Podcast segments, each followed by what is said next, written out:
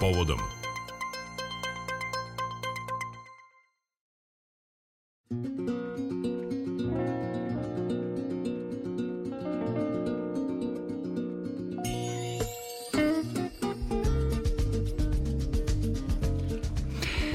Pokrajinski zaštitnik građana, Obudsman, doneo je odluku o formiranju Dečijeg saveta kao stalnog radnog tela ove institucije. Cilj je veće uključivanje dece u zaštiti i unapređivanju dečijih prava. O uslovima za izvor članova budućim aktivnostima Dečijeg saveta, ali i značaju za razvoj građanskog društva razgovaramo sa pokrajinskom obudsmankom Draganom Ćorić. Dragana, dobar dan i dobrodošli. A, dobar dan vama i važni služavacima i služatekama. Po donošenju evo odluke o formiranju Dečijeg saveta, to je bilo 10. februara, pre nekoliko dana upuste, uputili ste i javni poziv svim učenicima i učenicama osnovnih i srednjih škola u Vojvodini da konkurišu za članstvo u Dečijem savetu. Ko može da konkuriše i šta očekujete od ovog javnog poziva? Um, kao što stoji u samom tekstu konkursa, oni koji mogu da se prijave su učenici od sedmog razreda osam, znači to je onaj moment u školovanju kada počne aktivizam u okviru učeničkog parlamenta mm. i zaključno negde sa trećim razredom srednje škole, jer je mandat dve godine. Tako da smo ocenjivali da bi bilo nekako nepravično da angažujemo nekog, da se možda neko od maturanata javi, da bude samo jednu godinu. Oni formalno negde i nisu čim napune 18 godina formalno više nisu deca, nego su onda odjednom postaju mm -hmm. mladi, odrasli, punoletni, veoma odgovorni, a juče nisu bili, znate, to je onaj, onaj switch koji im se dešava.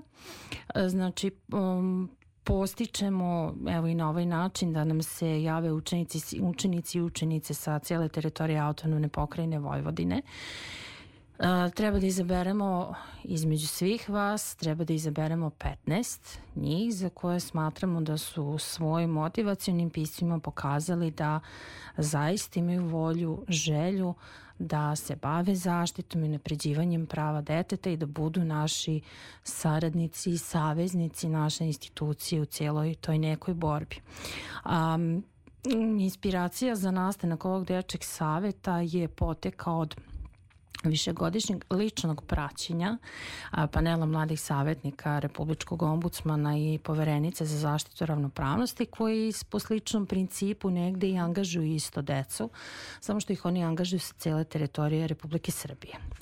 A, budući da sam pre stupanja na funkciju ombudsmanke bila svakako i neko ko se potrudio da se osnovi prvi u cijeloj Republici Srbiji, gradski učenički parlament je da prethodne tri godine a, gajim tu neku parlamentarnu učeničku kulturu na teritoriji grada Novog Sada. Htela sam da nekako putem ovog dečeg saveta inspirišem ne samo decu, nego i ostale zajednice i sve na teritoriji autonome pokrajine Vojvodine da ako nisu, počnu to da razvijaju. Tako je. Evo, bar osnovna pravila, kažete trebalo bi da napišu motivaciono pismo. Jasne. Šta očekujete u tom motivacionom pismu? Evo, govorimo o 13-godišnjacima, 14-godišnjacima kada je osnovna škola u pitanju, onda negde već srednja škola možda tu i nekako drugačiji odnosi, pristup ili mišljenja. Dali smo im neke hintove, kako e, bi oni dobro. to rekli, mm -hmm. a, zašto žele da budu članovi ovog tijela, šta misle da bi mogli na taj način da doprinesu svoje ličnoj zajednici, celokupnoj zajednici na teritoriji autonome pokrajine Vojvodine i negde smo im prosto onako dodatno ih podstakli dali slobodu da um, slobodno istaknu i ako su pripadnici nacionalne manjine, ako su pripadnici neke druge deprivirane manjine ili neke mhm. deprivirane grupe, da li su lica možda sa invaliditetom ili bilo šta, oni će biti najbolji mogući glasnogovornici. Znate, mi odrasli posmatramo šta su problemi dece, a mi posmatramo iz naših cipala. Ovo je primer a, da želimo kao institucija da kažemo deci ok, tu smo da mi vas iz vaših cipela saslušamo. Znate, ja sam imala 13 godina, gospode, 90. godina. to je bilo davno. Moja čerka sada ima 19, znači više ni ona nema tih 12-13 godine, verujte, veoma brzo je zaboravila te godine.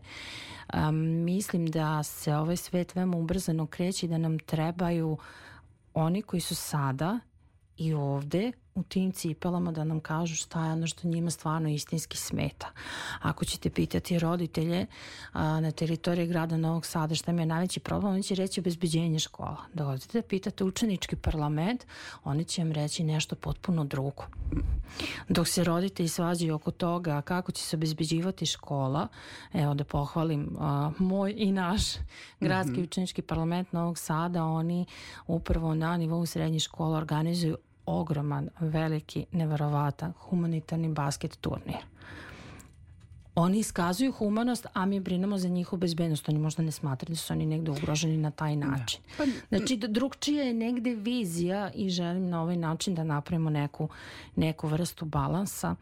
I eto, kažem, pozivam vas da se o samom konkursu i o tom nekom Postoji prijavni list na našem sajtu, da se informišete na sajtu pokrajinskog zaštitnika građana ombudsmana, a svakako više na adrese više od 500 škola osnovnih i srednjih na teritoriji autonome pokrajine Vojvodine je već upućen poziv, ali evo, pozivam vas i na ovaj način. I pa onda samo 15 članova. Da. Do, only, only the 15. da. E, do, evo, još, dakle, 10. april jeste poslednji dan do kada oni mogu te prijave Jest. da pošalju, opet na istu adresu. Računat ćemo do ponoći, ne brinite. Da. To je e, mail. u svakom slučaju oni mogu da se i posavetuju i sa e, jeli, školskom službom, odnosno Tako. i vašom kancelarijom o svim tim informacijama, ali evo negde i poziv javno za uh, osnovce, odnosno srednjoškolce. Kada kažete deca, ispominjali ste tu uh, godinu 13. i negde verujem da se mi svi negde sećamo svojih godina kada smo odrastali i kada smo negde imali ulogu da uh, odlučimo, odnosno predložimo u našim odeljenskim zajednicama. Danas je je tu odeljensku zajednicu preraslo i učešćem dece pa i mladih u nastavnička veća, pa onda formili su se đački parlamenti, omladinske zajednice, studentski parlamenti i negde se čini da u poslednje vreme da li je društvo senzibilisano da čuje mlade. To je vrlo interesantno. E sad, pitanje je koliko je to samo u jednom broju škola mhm. -huh. forma koja mora zakonska da se zadovolje, jer kada vam dođe prosvetna inspekcija, kada da. dođe eksterna kontrola, vi morate da kažete imamo učenički parlament, imamo učenika koji je u a, školskom odboru, imamo to, ali koliko se oni stvarno istinski čuju, čini mi se da se još uvek u nekim zajednicama, u nekim školama tretira na nivou um, senzibilisanosti rukovodioca te ustanove i onih koji su tu. Um, Vola bi da stvarno počnemo više da ih slušamo. Kažem, evo, Novi Sad je definitivno primer zajednice, primer grada koji je odlučio da sluša učenike. Evo, taj gradski učenički parlament je a, član koordinacijalnog tela za bezbednost dece i a, dece u osnovnim i srednjim školama grada Novog Sada. I verujte, svaki predlog koji je dat od strane učeničkog parlamenta bio je prihvaćen. Znači, grad Novi Sad je pokazao da kao vrh neke zajednice može da sluša učenike. Sad samo još da uputimo dodatni apel ovaj, nastavnicima da slušaju šta to, da osluškuju više šta to deca negde iniciraju da im da. negde smeta, šta to iniciraju školama, razrednim starešinama, psiholozima. Prošlo ono vreme kada su nas plašili ako ne budeš dobar ićeš kod psihologa i pedagoga. Znači, to je ono mhm. bilo kao otprilike kaznena ekspedicija. Ideš tamo i ideš tamo da te ribaju. Um, međutim, a, ove pandemijske okolnosti su nam pokazale koliko su psiholozi i pedagozi potrebni toj deci, a koliko opet samo jedan broj, ne svi, da ne, niko ne pomisli, koliko su negde ostali, čini mi se, sa načinom i pristupom baš u tim 90. godinama kad su samo trenirali strogoću empatija će spasti ovu svet. Neće, neće Naravno. pare, neće izvori vode ili nafte, nego empatija. Tako da trebamo negde više da ih slušamo i to je ono što stalno slušamo od te dece da. tog uzrasta da im to treba podrška, razumevanje, da ih neko e, čuje. Negde kada govorimo o samom uzrastu, da li deca i kada već mogu da formiraju svoja mišljenja u vezi sa tim, a onda negde vi ćete to bolje znati u toj pravnoj praksi, da oni već sa 15 godina donose i tekako velike odluke, pa počeši od toga da biraju negde svoju buduću profesiju, profesiju kada biraju jeli, e, koju će srednju školu upisati. U slučajevima e, razvoda roditelja, oni je već sa 15 godina odlučuju sa kojim roditeljem će živeti, a sa kojim ne i na koji način će dalje e, komunicirati sa onim roditeljem koji, sa kojim ne žive. Ipak su to velike odluke za e, jednog 15-godišnjaka. Slažem se. A u našem pravu postoji još odredba da osoba sa 15 godina može da napiše svoj prvi testament. Da. Takođe sa 15 godina da odušu saglasnost roditelja može da zaključi radni odnos a, i sa 16 godina može da mora da ima ličnu kartu već mm -hmm. kao dokaz identiteta gde oni onako su svi jadni izgubljeni na tim sličicama na ličnim kartama vidi se da su još uvek deca ali sa 16 godina isto takođe mogu da pokrenu određeni postupak emancipacije u smislu ako žele da uđu u brak postupkom emancipacije su potvrđuje da su oni psihofizički zreli da znaju posledice te svoje odluke i da im se daje dozvola iako roditelji nisu saglasni s tim su da im daje dozvolu da oni mogu da zaključe da. brak jer potpunosti znaju. Pazite, to su ogromne stvari i znači, onda negde ostaje ipak... pitanje, da, on negde ostaje pitanja zašto smo ih mi onda uslovili mm -hmm. da oni mhm. tek sa 18 godina postaju formalno punoletni, kad kao što ste sami rekli, jako puno značajnih odluka za svoj život trebaju da donose već od 15. godine, da ne kažemo da je 14. godina granica krivične odgovornosti. 14 godina postajete delimično krivično odgovorni, možemo se suditi kao maloletniku. Ne možemo se izreći kazna zatvora, ali možemo se izreći svaka druga ublažena kazna. Sa 16 godina licima može biti maloletnicima, može biti izrečena i kazna zatvora u maloletničkom popravnom da. domu. Znači, pa ste, ima jako puno toga, a negde ih još uvek tretiramo, deca, deca. su, a od njih očekujemo da oni donose i značajne odluke i onda posle pokušamo nekako da se operemo od toga. Ti si to birao, pa šta sam ja znala s 15 godina? Ni da dođem, ni da odem, ni ništa. E, prema planu Dečiji savet e, pokrajinskog e, zaštitnika građana bi trebalo da ima u fokusu ili centru delovanja unapređenje i zaštita prava deteta. Konvencija Ujedinjenih nacija o pravima deteta je najratifikovaniji dokument o ljudskim pravima u istoriji, a Srbija je bila među prvima koja je potpisala tu konvenciju. E, To znači da bi srpsko društvo ili da je srpsko društvo za ovih 30 godina e, moralo da razvije svest o značaju prava deteta. Da li se slažete sa tim da smo uspeli kao društvo da osiguramo i srećno i zdravo detinstvo, bezbedno okruženje, kvalitetno Trudimo obrazovanje? Se. Trudimo se. Trudimo se i uvek naravno može bolje. Uh -huh. uh, uvek ima stvari koje se mogu još dodatno uraditi, uvek ima neka dodatna edukacija koju treba saslušati, uvek ima neki dodatan dobar primer prakse, ali i loš primer prakse koji se treba saslušati i jednostavno videti ne tako.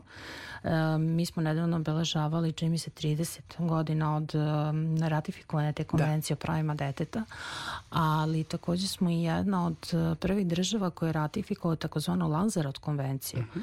Lanzarot konvencija je zaključena, odnosno zaključena je 2006. godine, mislim da smo mi odmah skoro i rat, potpisali i ratifikovali. A, ona se odnosi na zabranu, odnosno na prevenciju i borbu protiv seksualnog zlostavljanja i zanemarivanja dece. Odnosno seksualnog zlostavljanja i iskorišćavanja dece, pardon. Tako nekako je, ne, jako je dugačak naziv.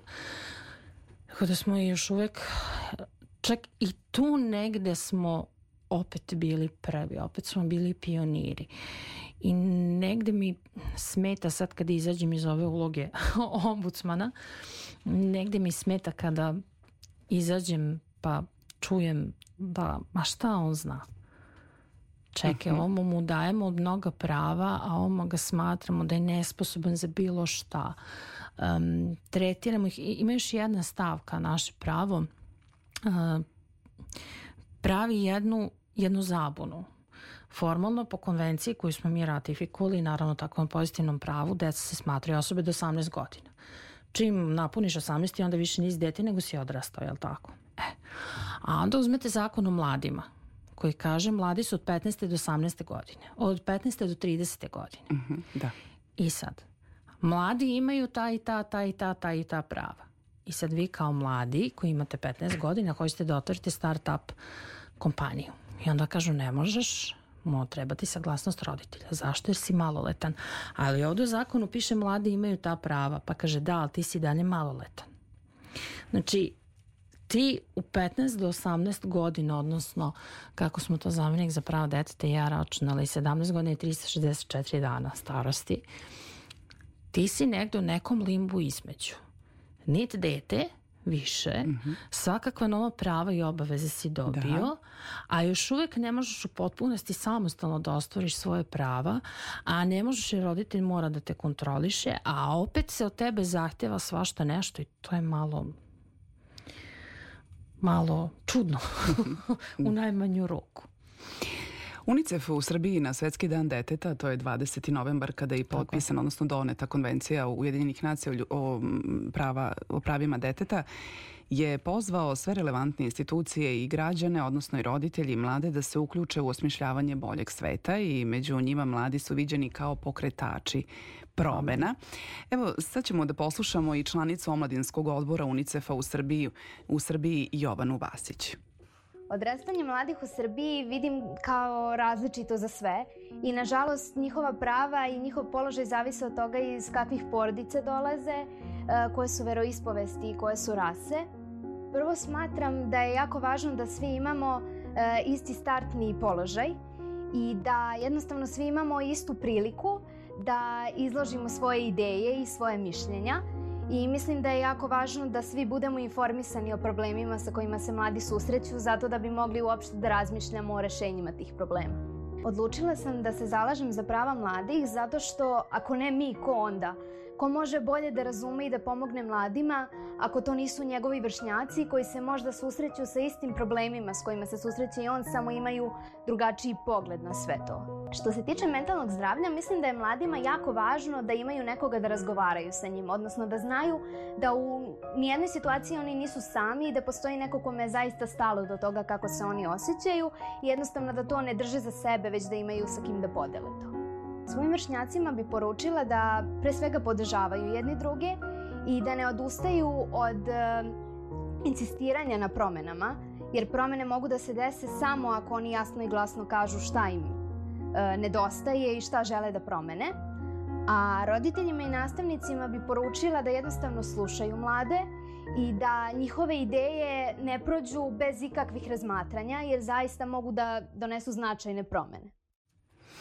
Da, mladi za mlade i nekako mladi osjećaju najbolje što ste i predstavili i rekli u e, prethodnim minutima, najbolje osjećaju probleme sa kojima se suočavaju dok odrastaju. Međutim, kada su dečija prava u pitanju, po vašem saznanju, koje dečija prava su najčešće kršene? Uh, da kažemo ono dečje pravo na slobodno vreme. Dobro. A, šalu na stranu, pa mislim da je negde deče pravo na bezbežno detinjstvo i na bezbednost. Generalno, oni sami sebe dodatno ugrožavaju sa mnogim stvarima za koje smatraju da neće im se ništa desiti, a zapravo su izuzetno opasni i oni još uvek u tim svojim stvarno dečim očima ne vide razlog naše roditeljske zabrinutosti tipa postavljanja ličnih privatnih informacija, live-ova, reelsa i koje čega. Znači, mislim, prvenstveno na taj njihov život koji se odvija paralelno i mnogo više u internet sferi nego što se odvija u stvarnom životu. Um, pravo na obrazovanje, mi možemo da gledamo pravo na obrazovanje kako se i koliko realizuje u većim gradovima, hajde da krenemo malo po nekim manjim mestima, po nekim manjim selima gde i dalje ne možete da sakupite najviše jedan razred u jednoj generaciji. Znate kako će, ko će njima držati časove, ko će se njima raditi.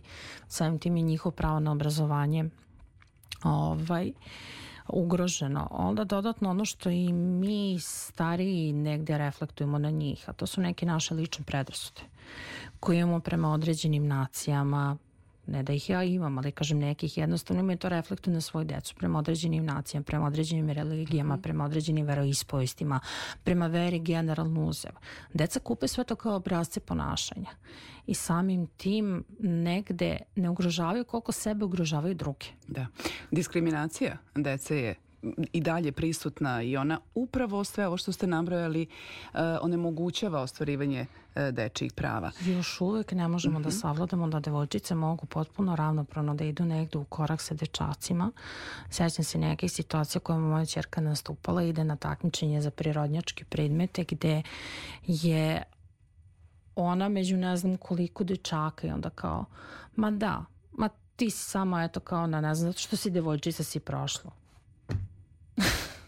znači, to, je, to su te predrasude, ja kažem, obrazci da. ponašanja koji se kupe od roditelja, nisu ih oni sami izmislili. Nemamo dovoljno vremena, ali voljela bi prosto još nekoliko pitanja da vam postavim.